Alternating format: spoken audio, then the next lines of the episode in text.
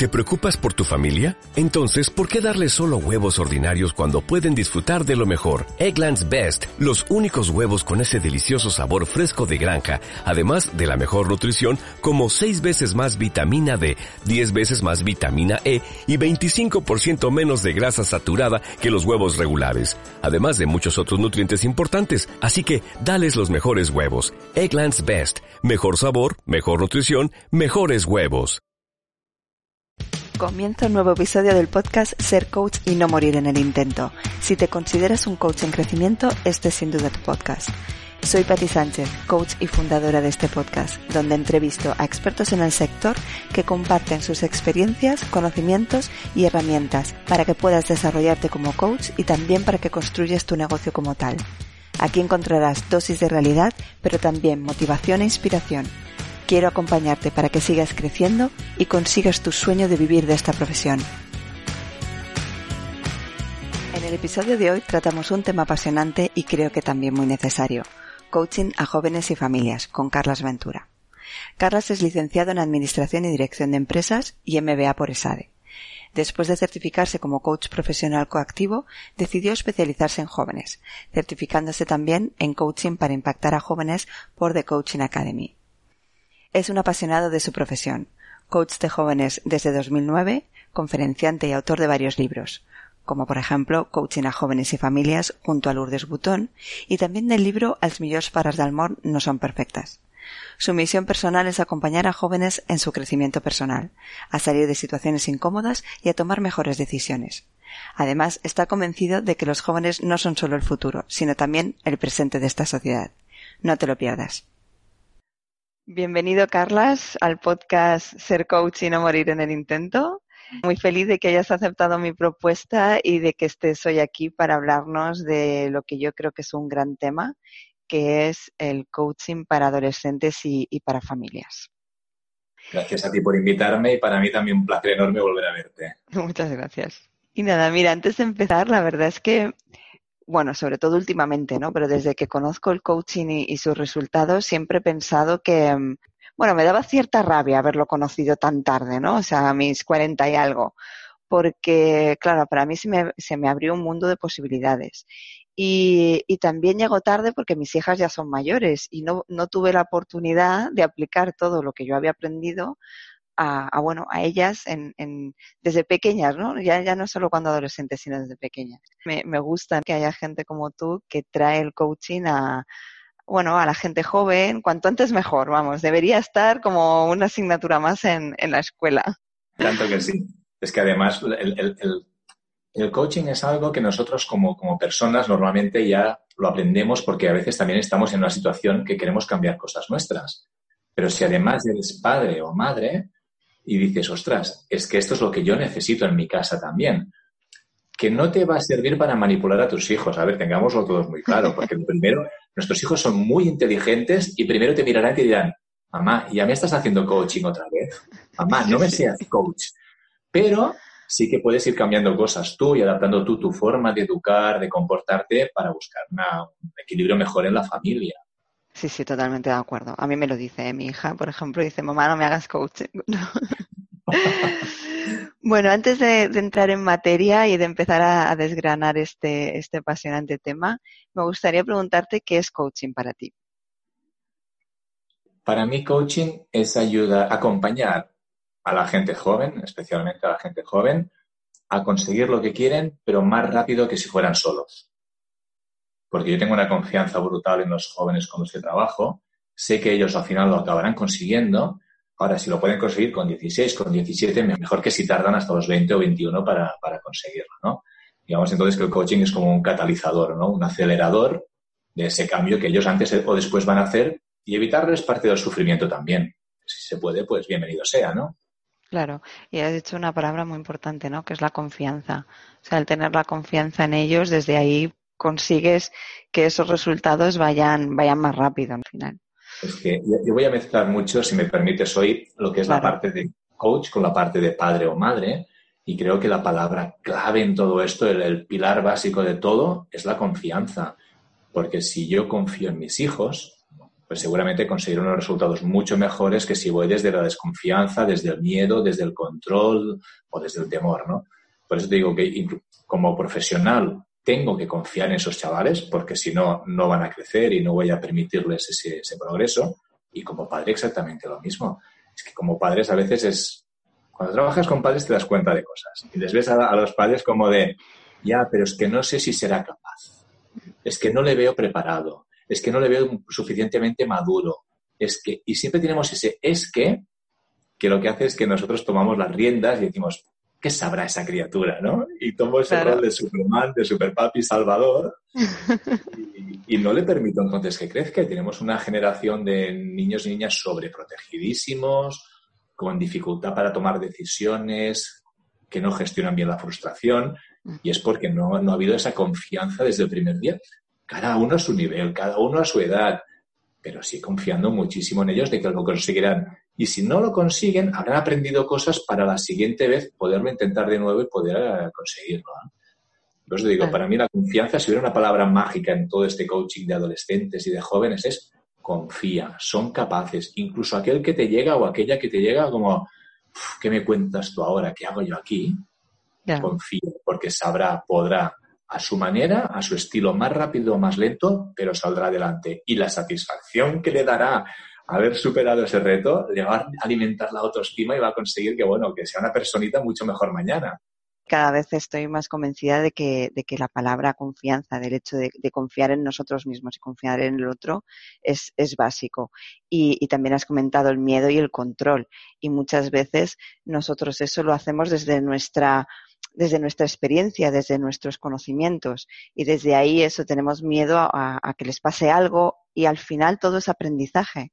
Confianza y aprendizaje yo creo que son las palabras clave para, para todo. Dejar que, que, puedan aprender de los errores, de aunque no lo consigan, dejar que aprendan de, de ello. Cuando empecé en este, en este mundo me sorprendió mucho porque una de las principales causas de que unos padres traigan un hijo o una hija un proceso de coaching es, entre líneas, no quiero que pasen por lo que yo he pasado. No quiero que sufran lo que yo he sufrido. Y con ese temor les estamos negando la posibilidad de crecer, formarse, aprender y ser ellos mismos, porque nunca van a ser como nosotros ahora con 40, 50 años, van a ser como alguien de 15 o de 20.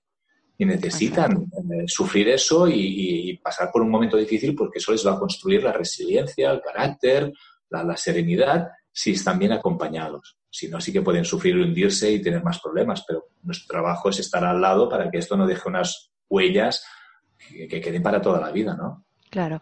Entonces, en relación a este tema, entiendo que son los padres normalmente, ¿no? Los que, los que te traen a, sus hijos porque consideran que, bueno, necesitan ese acompañamiento. ¿Cómo, cómo llegas a, a las familias? ¿Cómo das a conocer tus servicios y cómo, o cómo vienen a ti? Ahora hemos pasado del mundo fantástico, fabuloso del coaching conceptual al coaching business, que es la parte más, como tú ya sabes, ¿no? Esa parte complicada de todo este, esta forma de, vivir, ¿no? Yo llevo 10 años ya trabajando, casi 11, con, con familias y con jóvenes, y te diría que ahora empiezo a respirar en cuanto a que a través de antiguos clientes, conocidos, Google, etcétera, tienes tus contenidos, tienes tus defensores, tus abogados que construyen tu prestigio también por ahí y eso le ayuda muchísimo, ¿no? El boca a oreja o el estar bien en, redes y en, Internet. Te seguro también que los, los principios, los inicios fueron complicadotes porque estás hablando de un producto, porque no nos olvidemos, el coaching es un producto que eh, no se conocía, no se conocía bien qué es el coaching, no se conoce muy bien si esto también sirve para jóvenes, pero ¿qué me estás hablando? Esto puede ser, hombre, para empresas me suena, eh, lo he visto en la voz, ¿no? En, la tele. Pero ¿esto cómo va a ayudar a mi hijo? Entonces ha habido aquí una tarea de, formación, una tarea pedagógica brutal para explicar al inicio, sé que a ti te interesa sobre todo cómo arrancar ¿no? en estos temas, eh, al principio es explicarle a todo Dios. Oye, mira, ¿sabes qué me dedico ahora? Oye, por cierto, ¿sabes qué estoy haciendo? Si sabes de alguien ¿eh? esto les va muy bien y hablar, hablar, hablar, sin hacerse muy pesado, pero sí que la gente no pueda decir nunca, ah, tú te dedicabas a esto, no lo sabía. ¿Sabes? ¿Cómo puede ser que a veces la gente de, no directa, directa de nuestro entorno, pero sí de un segundo entorno, no sepa a qué nos dedicamos, porque para ellos también es útil. Porque muchas veces en el trabajo nos viene otro padre, otra madre y nos dice, uff, lo estoy pasando fatal con mi hija y no sé qué hacer. Oye, pues yo conozco a alguien. Y esto es una ayuda brutal, porque como padre estás tan perdido, tan desesperado. No la voy a llevar a un psicólogo porque es que no tiene ninguna patología, pero igual sí que es de psicólogo, pero no, y en la escuela tampoco.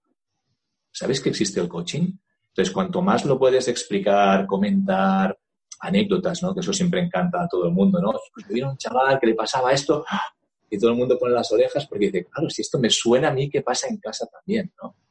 Entonces, ese poder explicar sin temor, sin, sin hacerse pesado, pero sí con simpatía y con mucho amor.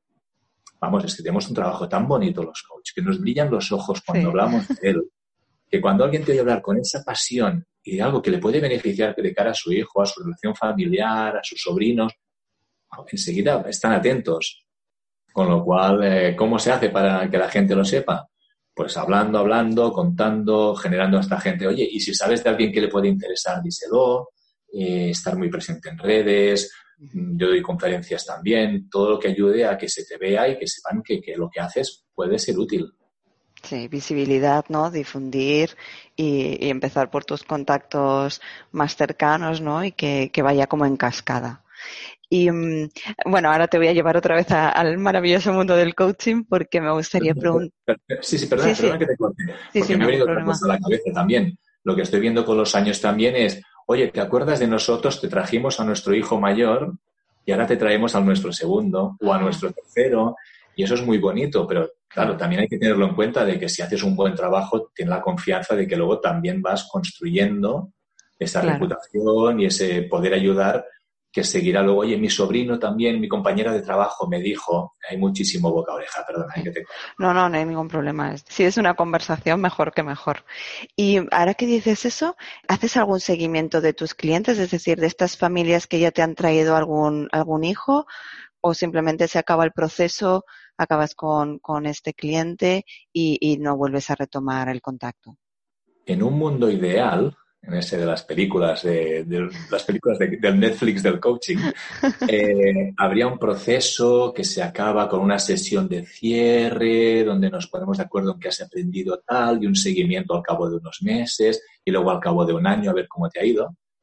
En el mundo real, al menos el que vivo yo, nuestros jóvenes son tan maleables, tan energéticos, que cuando se ponen las pilas salen disparados hacia su objetivo y se olvidan totalmente de lo que ha habido ya están de nuevo en otro camino.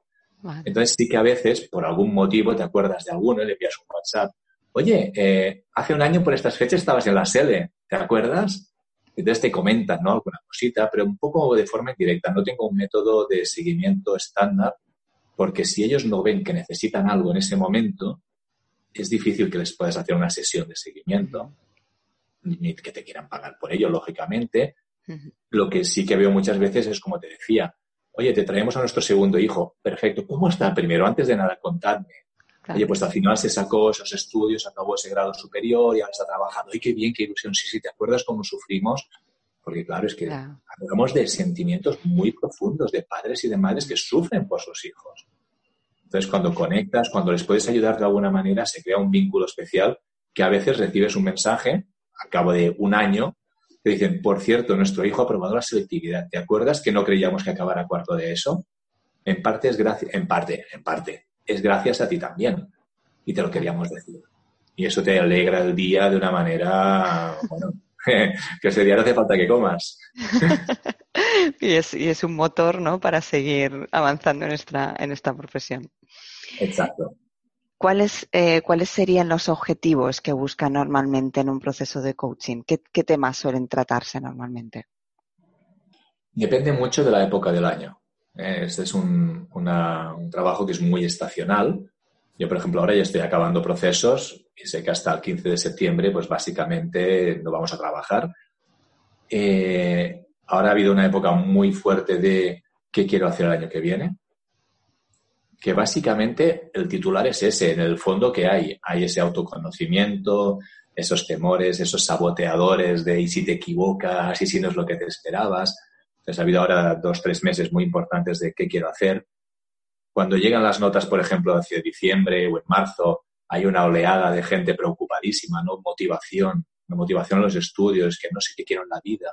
Es que mi hijo está viviendo como en blanco y negro, ¿no? Como que no está sacando todo lo que podría sacar de su vida. Muchos temas de autoestima, muchísimos. Tenemos una generación que sufre mucho, aunque la imagen externa a veces pueda ser de redes, likes y guapos y simpáticos, dentro hay un sufrimiento grande de bastante soledad también. Entonces va muy bien este trabajar esta autoestima, ¿no? Que, que liga con lo que decíamos antes, como no han tenido nunca la oportunidad de, luchar contra algo, de demostrarse a sí mismos que pueden hacer algo, esa autoestima no se ha desarrollado, ¿no? Entonces yo te diría autoestima, motivación, toma de decisiones. A veces también es un tema de cómo me relaciono con los demás. Ha habido ahora un, pequeño boom, ¿no? De gente que dice, ya me costaba antes relacionarme, pero con el confinamiento es que no me apetece quedar ni con mis amigos. Es que estoy muy bien en casa. Que hay detrás esa inseguridad, otra vez esa autoestima, ¿no? Ese que aporto yo a mis amigos y tampoco vale la pena lo que voy a contar. Son temas muy interesantes, la verdad. Y muy diferentes de lo que encontraría seguramente en un executive coaching, ¿no? En un coaching de ejecutivo de empresa, donde hay temas de fondo muy parecidos, pero la forma es muy diferente.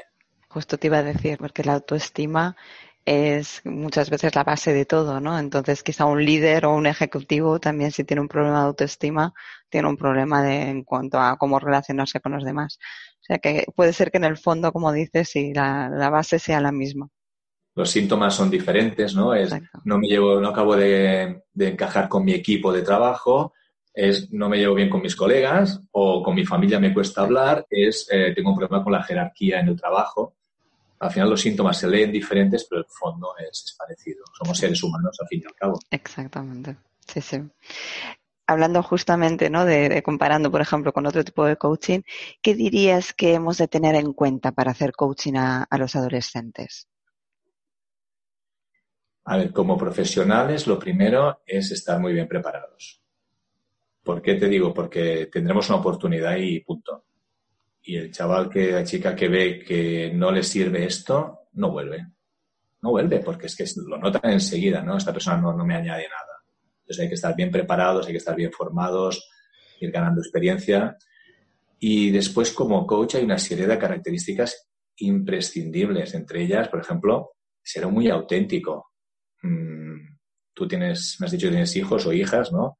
Enseguida te notan cuando te pasa algo pues nuestros clientes igual notan enseguida cuando estás pretendiendo ser guay, enrollado como ellos o, el gran profesional que lo domina todo. Ellos esperan encontrar una persona con la que se puedan abrir, alguien que les respete y que les escuche.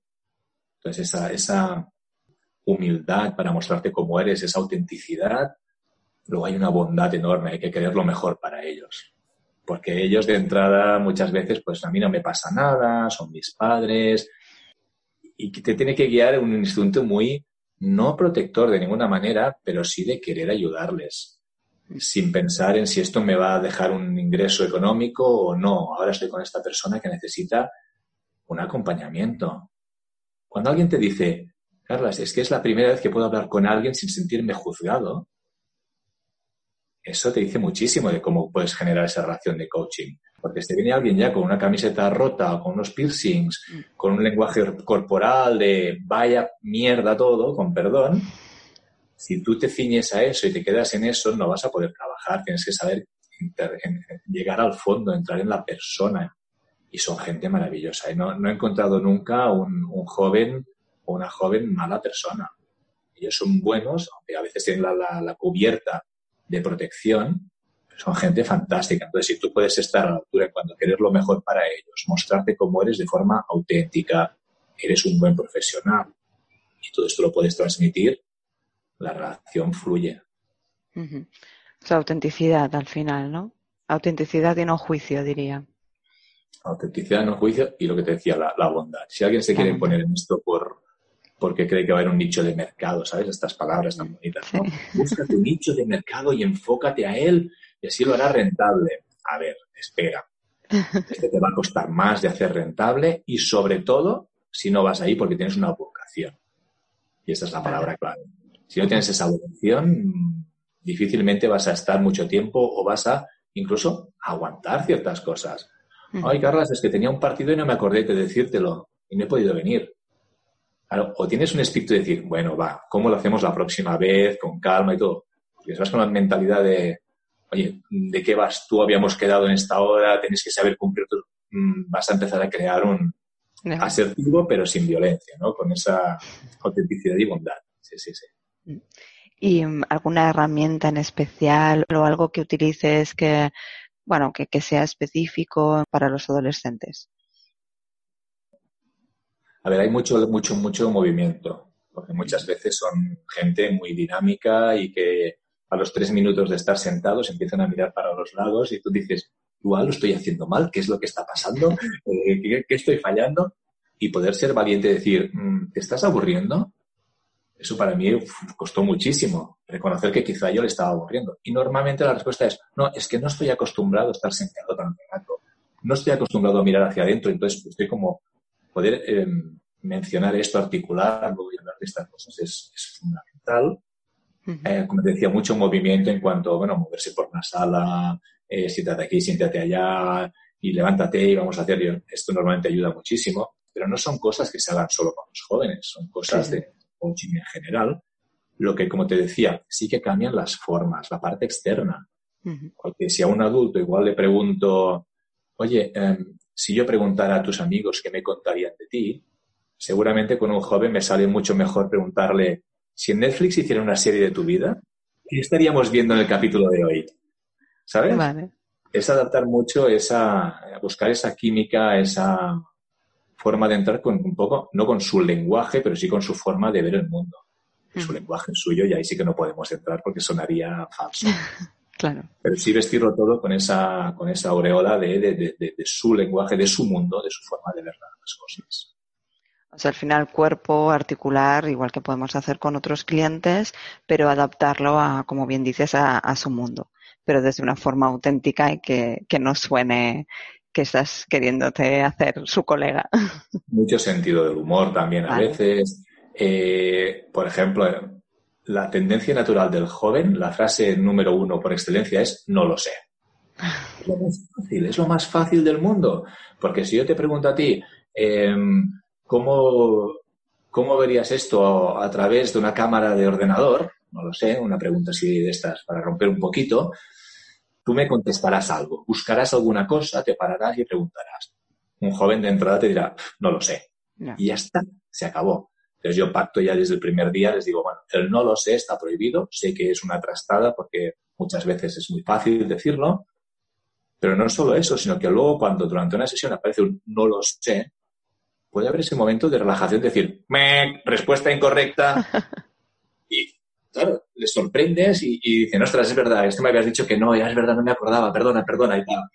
Y rompes un poquito con ese, no, te he dicho que no lo sé, no está permitido, porque aquí necesito que tú reflexiones y entres en tus sentimientos. No.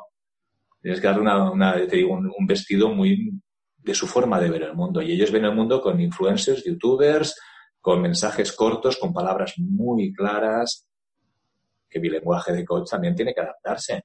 En qué te estás convirtiendo eh, significa que te van a mirar con cara de, ¿ah?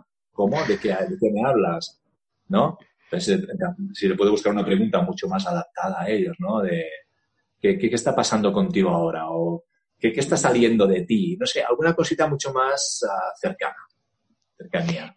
Ahora que has dicho eso, también me venía una pregunta de, de, imagino que es importante una alianza inicial como para, para situaros al mismo nivel, o bien porque tengan como demasiado respeto ante tu figura por ser el coach o por ser una persona adulta, o bien porque también piensen que como adulto, pues ostras, qué palo, ¿no? ¿Cómo, cómo es eso para que consigáis estar como al, al mismo nivel? Yo supongo que no es muy difícil recordar cómo éramos nosotros a su edad ¿Y qué hubiéramos pensado si una, una señora o un señor de 50 años te hubiera preguntado por tu vida personal? Entonces, sabes que de entrada eso normalmente puede ser violento. Pues de ahí que también tienes que ser muy sincero, muy abierto, como decíamos antes, esa cercanía y esa articular las cosas. Eh, me dices que vienes por un tema de timidez, yo te agradezco muchísimo porque solo el hecho de estar aquí está siendo muy valiente y te lo agradezco porque contarle tu vida alguien de mi edad que no has visto a nunca, yo entiendo que debe ser duro. Mm. Y dice, joder, me está entendiendo. ¿Sabes? No es un señor que viene aquí con su libretita para tomar notas y psicoanalizarme o para decirme lo que tengo que hacer. Entonces, poder articular todas estas cosas, temores, es importante. ¿no? Y, aquí yo no le puedo decir, estamos al mismo nivel, pero sí que lo va a ver en la forma de trabajar. Claro, sí, sí. Y el simple hecho de que le deje acabar las frases, cosa que sus padres muchas veces no le dejan hacer, ya es, ostras, este tío me está escuchando. De verdad. Me está mirando. ¿Sabes? Ya es, te enseño que estamos al mismo nivel porque lo estás viendo. Y porque nunca te va a decir, uy, yo en tu caso creo que aquí, ¿sabes? esa actitud del coach que a veces tiene tendencia a aparecer, eso fuera, fuera, fuera, fuera, y aquí somos dos personas, porque como yo confío en ti y te veo como un ser humano pleno, ya ves que te estoy tratando de tú a tú. Y volvemos a la confianza que era la palabra inicial. Claro. O sea, al final actuar desde ahí, ¿no? Desde ese mismo nivel todo el tiempo. Correcto. Más que decirlo, hacerlo. Hacerlo. Sí, No sé muy bien cómo funciona, ahora nos explicas, pero supongo que hay una relación a tres. Los padres que son quienes te contratan, por decirlo de alguna manera, son tu cliente. Después está el coachee, que es el adolescente, y por otra parte tú, ¿no? Es un triángulo. ¿Cómo gestionas esa relación a tres bandas? Yo soy muy especial y muy particular en este tema. Como todo lo que estoy diciendo hoy, no lo he avisado antes, pero todo lo que digo es verdad y es mentira y que cada uno escuche lo que quiera y haga lo que le dé la gana con él. Vale. Eh, yo tengo una idea muy clara. Como confío mucho en ese joven, tenga 13 o tenga 25 años, es igual, como confío mucho en él, tengo que darle herramientas ayudarle a tener herramientas para poder mm, tirar adelante en su vida. Entonces, los padres que son aquí, pues son otro elemento de su vida. Pero igual que yo no podré cambiar a sus jefes en el futuro o a sus profesores, tampoco considero que mi trabajo sea cambiar a sus padres. ¿Eh? Te digo que soy muy personal. Yo confío tanto en él que digo, vamos a darte herramientas para que sea cual sea el entorno, tú puedas tirar adelante. Si además los padres necesito alguna cosa o pueden ayudar de alguna manera, vamos a ver qué les podrías decir, qué podríamos hacer, qué necesitas que les diga, cómo te puedo ayudar. Pero para mí los padres a veces les digo, oye, eh, vosotros aquí acabáis después de la primera entrevista para conocernos y ahora ya solo espero de vosotros pues que paguéis las facturas. Más o menos un poco el mensaje es este. Si hay algo, no os preocupéis, os lo diré. Si necesitáis saber algo, me preguntáis y dentro de la confidencialidad os contaré lo que pueda contaros pero es que tenéis que verlo en vuestro hijo, en los cambios que estáis viendo, preguntándole a él, porque yo aquí no, os puedo romper el secreto de la confidencialidad con mi, con mi cliente y además creo que es él quien tiene que tener recursos. Hay coches que no, hay que sé que trabajan con toda la familia para alinearlos a todos y que así entre todos construyan un mejor joven. Yo creo que esto está bien, pero que sigue siendo una parte de sobreprotección que a la larga no va a tener siempre a un coach que alinee a toda la familia, a su jefe, a su profesor, sino que debe ser la persona que se sienta capaz por sí solo de tirar adelante. Claro, te centras en el, en el adolescente y ellos forman parte, como has dicho, ¿no? Una entrevista inicial en la que supongo que se trata del, tema o porque está ahí y, y, después ya el proceso se hace, se hace con el, con el adolescente. Igual si que un día reciben un WhatsApp diciendo hoy vendrá vuestra hija a contaros algo. Están muy atentos, por favor. Y ya está. Vale. Que no estén ahí esperando, ah, pues no sé qué, no, no, no, solo escuchar, oye, escuchar. O alguna pista, a veces sí les digo, oye, hoy, hoy venid vosotros también y hacemos una sesión con la hija y los padres, los padres, porque hay un tema de relación que queremos trabajar. Entonces ya cambia. Es un tema de que el cliente de coaching joven necesita el tema de trabajar el tema de relación de familia, entonces nos sentamos todos y hacemos una sesión de familia. Pero de por sí un joven que quiere trabajar su autoestima, escoger unos estudios, mm, tiene que saber hacerlo solo. Tiene que saber. Vale. Y, entonces, eh, porque eres, coach de familias también. O sea, es decir, eh, ¿haces coaching a familias porque te lo piden así, eh, distinto que coaching a adolescentes? Es cuando hay un, para mí es cuando hay un tema de relación familiar. Vale. Cuando ves que el, tema que realmente está limitando al joven o lo que ellos quieren trabajar es cómo nos relacionamos entre nosotros. Entonces, sí, entonces se trabaja sistémicamente con todo el equipo. Te digo, no es mi área de, pasión, porque allí hay mil cosas metidas y tal, y me gusta la energía del joven en sí. pero si hay que echar una mano a la familia, se hace también coaching a la familia. Vale. O sea, es con un objetivo muy concreto, entonces en ese caso sí que haces coaching, coaching a, las familias a través del coaching sistémico. Correcto. Imagínate, por ejemplo, hay casos muy curiosos ahora. Me acuerdo ahora de un caso de un chaval que tenía muchos problemas y no acababa de tener buena relación con la familia, pero es que la familia era su padre con la nueva pareja del padre, los hijos de la nueva pareja del padre, la madre con la anterior pareja de la nueva pareja de la madre, con los nuevos hijos de la madre, y había también otra ex del padre entre medio. Todo el mundo quería opinar sobre ese adolescente, todo el mundo sabía lo que necesitaba ese adolescente, todo el mundo quería protegerle y sabía lo que era mejor para él. Y el pobre chaval llevaba una empanada mental. Claro, mm, ese es un tema para trabajar en familia. Es un tema para decir, oye, ¿qué queréis hacer todos aquí? ¿Cómo lo queréis ayudar? Lo que estés haciendo es lo contrario, ¿no? o a veces relación, por ejemplo, chavales con altas capacidades que pueden tener un cierto no saber dónde están en ese momento, que la familia no entiende qué les pasa porque piensan y por qué son como son, que necesitan también cierto acompañamiento y a veces incluso cierta mentoría sobre cómo trabajar con estos chavales. O sea, hay casos concretos que toda la familia es muy bienvenida y hay otros casos que no. Es chaval, venga, ponte las pilas, vamos a por ello. Muy bien. Eh, supongo que has tenido algún caso que hay algún adolescente, algún coachee que no quiera que le hagan coaching, que le hayan llevado sus padres por algún motivo y se te plante allí diciendo, esto no va conmigo. En 11 años casi he tenido dos casos de gente que ha venido y no ha querido abrir la boca. El resto o ya han venido convencidos porque es una de las cláusulas, por decirlo así, que les ponemos antes de ¿no? Decir, oye, tiene que venir con ganas, tiene que querer cambiar algo. Porque, Pati, ni tú ni yo, ni nadie cambiamos si no lo necesitamos. Entonces, si yo no quiero cambiar, no me vas a hacer cambiar. Entonces, eso ya lo pongo muy, muy claro antes de empezar. Es cuando vienen ya normalmente, ya vienen con cierta curiosidad, como mínimo, cierto a ver qué pasa. Pero sí que ha habido algún caso de gente que ha venido que no quería estar aquí. Normalmente cuando trabajas un poco y dices, ostras, pues mira, es diferente de lo que me esperaba. Me pensaba que iba a abrir un señor a decirme lo que tengo que hacer. Y cuando ven que no es eso, les gusta. Pero igualmente he tenido dos casos. Los dos casos han sido de altas capacidades. Eh, que como tengo, siempre me han dicho que tengo tantas capacidades, yo tengo que ser capaz de solucionar mis propios temas. Y no voy a dejar a nadie que entre, porque yo tengo que solucionarlo solo.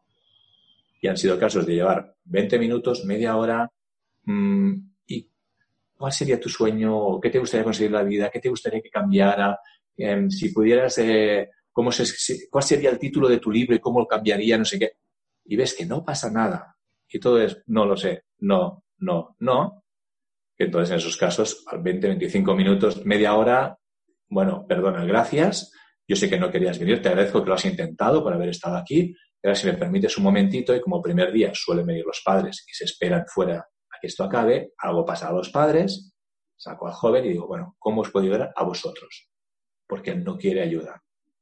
Entonces sí que buscamos alguna pauta para que esos padres puedan entender mejor cómo es ese hijo, qué le está pasando, para que ellos puedan ir cambiando la relación.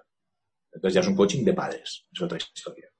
Vale, no, pero es muy interesante lo que comentas. en caso de que al final la, la persona, ¿no? El adolescente no quiera abrirse, bueno, pues cómo puedes ayudar a los padres. Es que esos padres, en el momento en que se normaliza un poco la situación y les dices, no sois los únicos, ya es como, bueno, a ver, hay luz al final del túnel, ¿no? Entonces, ¿qué podemos hacer nosotros? Pues esto ya les ayuda muchísimo. Siempre hay cuatro pautas que se les pueden dar, aceptar a los hijos como son, en lugar de estar siempre esperando algo más o algo que quizá nunca existirá y hacer sentir mal a los hijos porque no son lo que los padres esperan. Hay cositas que se pueden trabajar para que para que se cree un ambiente diferente en casa y entonces ese hijo pueda cambiar de forma indirecta. No porque hemos trabajado con él, sino porque ve que el entorno en casa es diferente. Claro. Muy, muy interesante, Carlas. Sí, eh, todo, el mundo, todo el mundo. Todo el mundo, sí, sí. Bueno, claro, además desde la visión de padres también, claro, cuando lo explicas es que es maravilloso. Y la em, sensación como padres y madres de que nunca sabemos suficiente o nunca lo hacemos suficientemente bien, pues esa sensación quieras que no está también un poco en el coach.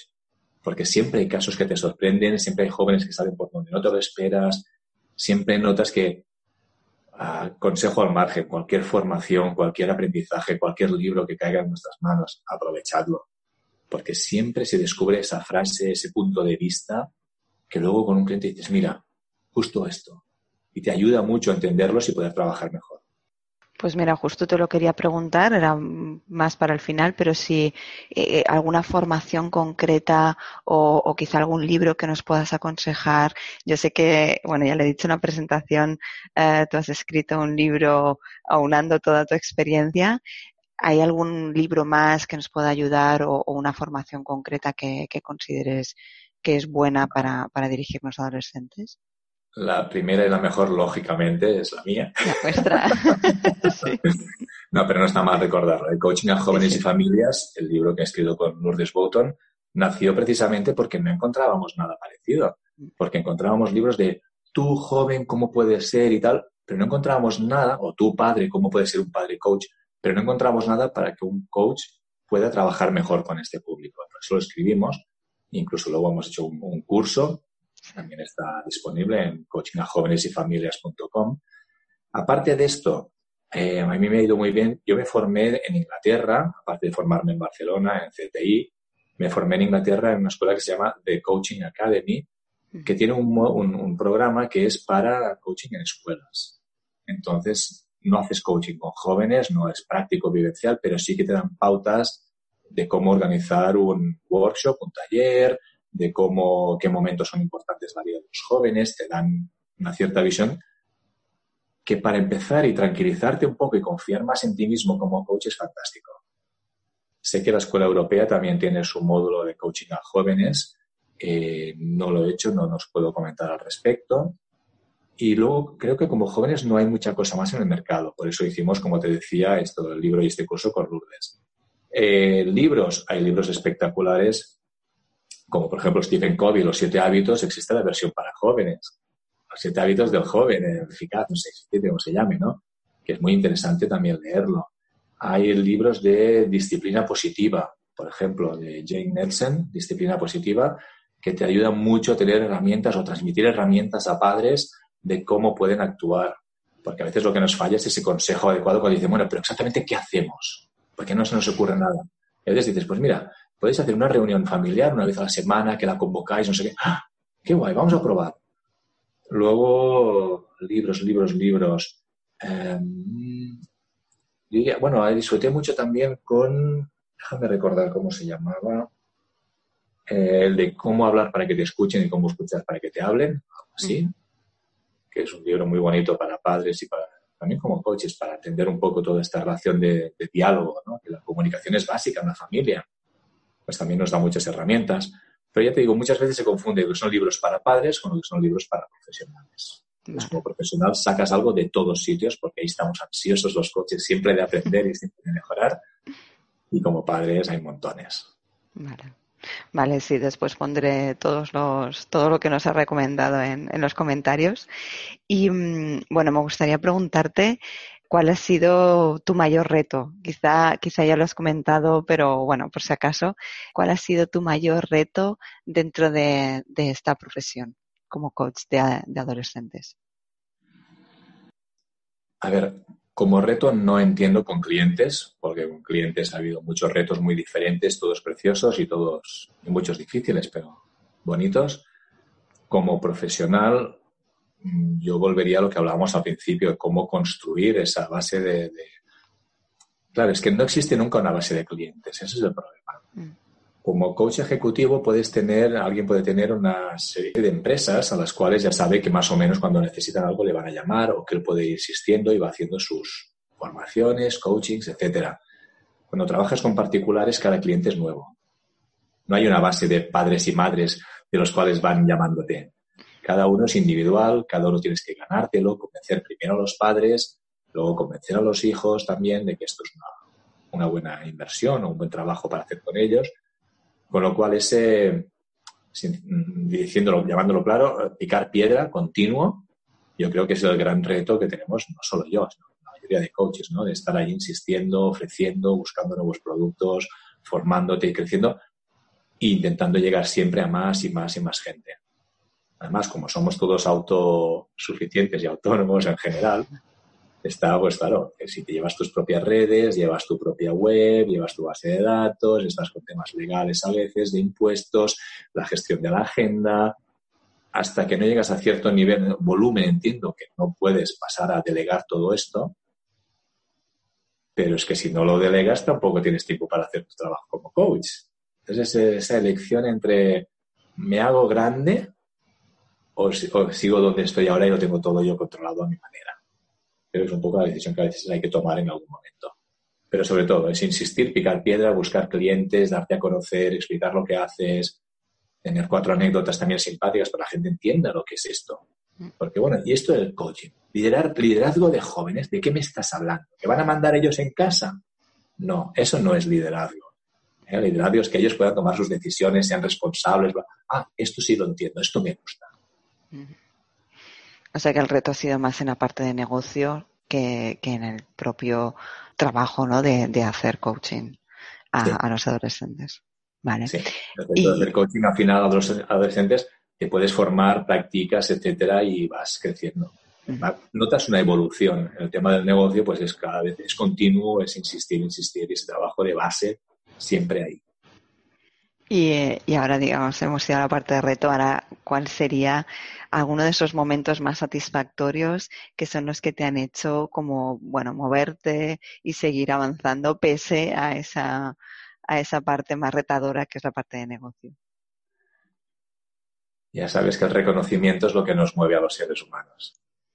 Entonces, recibir, por ejemplo, reconocimiento de padres, madres, de jóvenes incluso que te dicen, oye, Carlos, que te acuerdas que me hiciste, me, diste clases de coaching, a veces te lo dicen así, ¿no? Que me diste clases de coaching hace dos años, ¿no? Oye, pues que sepas que estoy muy contento porque, mira, hubo un chaval que vino por temas de, que era muy tímido, muy tímido, pero hasta el punto de bloquearse para hablar con adultos y llorar con los profesores, no atreverse a hablar con los profesores. Y al cabo de unos meses de trabajo, al final del curso se le escogió Mister Simpatía de su promoción. Hombre, esto quieras que no, te da un, una satisfacción. O incluso una chica que me vino una vez de 15 años, porque su amiga de 15 años había dicho que había trabajado conmigo, que había ido muy bien. La chica no había hablado ni con sus padres. ¿eh? Directamente venía ella porque quería que yo la ayudara, pero no podía hablar con sus padres, porque tal, porque cual pero ya como esta conexión ¿no? con su amiga que le dijo, wow, ve para allá que esto vale la pena. ¿no? Entonces ves tienes este impacto, que puedes ayudar y esto para mí es la satisfacción diaria cuando las cosas funcionan, que no siempre funcionan, porque al final hay casos que los derivas a un psicólogo o casos que sencillamente no se comprometen con las tareas. nuestros jóvenes también a veces pues se columpian y puedes insistir y enviar WhatsApp, pero tampoco no vas a ser policía, ¿no? ese compromiso es, a veces no está del todo. Pero en general, la satisfacción de, oye, que me ha ido tan bien, oye, que nuestro hijo ahora que nunca lo hubiéramos dicho, luego cambias vidas. Es que es muy bonito porque, claro, te vienen los padres, ¿no? Oye, que nuestra hija que va mal en estudios, no sabemos qué le pasa, que está suspendiendo y queremos que apruebe. Objetivo de los padres que apruebe. Empiezas a trabajar con la hija y estar metida en una relación tóxica con un joven que la está tratando fatal. Cuando esa chica consigue sentirse mejor consigo misma para poder enviar a este chico donde debe ser enviado, que es muy lejos, entonces ella puede volver a estudiar y centrarse.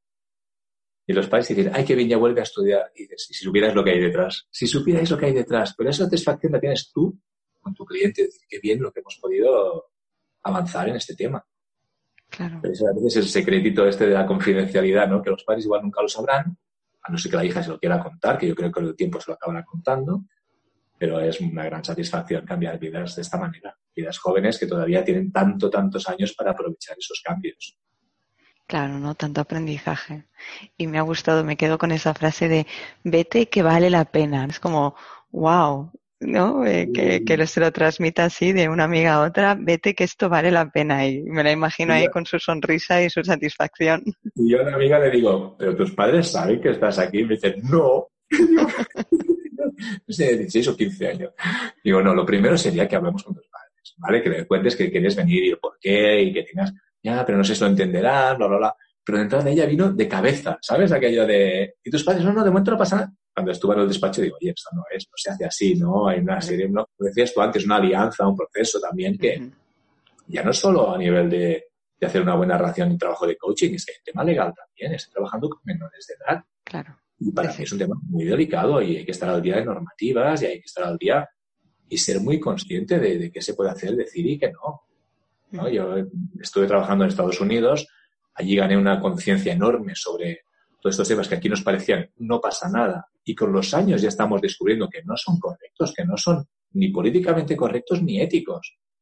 Entonces, para mí es muy importante pues que en despacho se pueda ver qué pasa dentro también, estos detalles que no tiene por qué pasar nada, pero es un tema delicado. Entonces, ahí sí que también, si alguien está pensando ahora en trabajar con jóvenes, que lo tenga claro, que hay una parte importante de ética, seriedad y hacer las cosas bien hechas.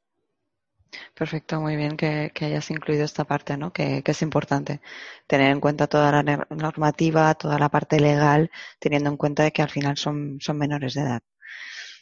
Muchas gracias, Carlos. Estamos casi al final de la entrevista.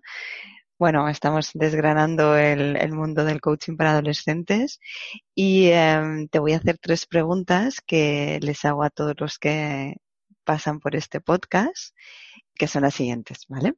en primer lugar, ¿qué te ha funcionado en tu carrera como coach y qué volverías a hacer sí o sí?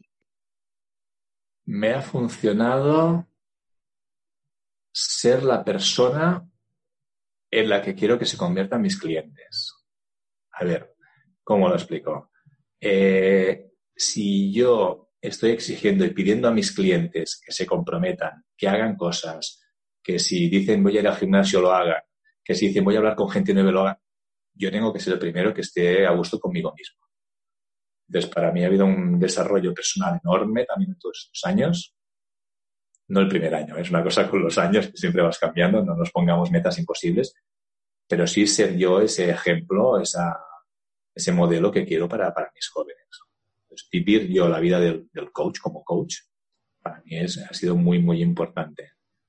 Ser yo mismo el ejemplo y obligarme y animarme a mí mismo a ser lo que yo quiero ser para poder acompañar mejor a estas personas y ser mejor persona yo también por el camino. ¿Y qué harías diferente? ¿Qué haría diferente? Sinceramente, lo que he hecho me ha llevado donde estoy hoy.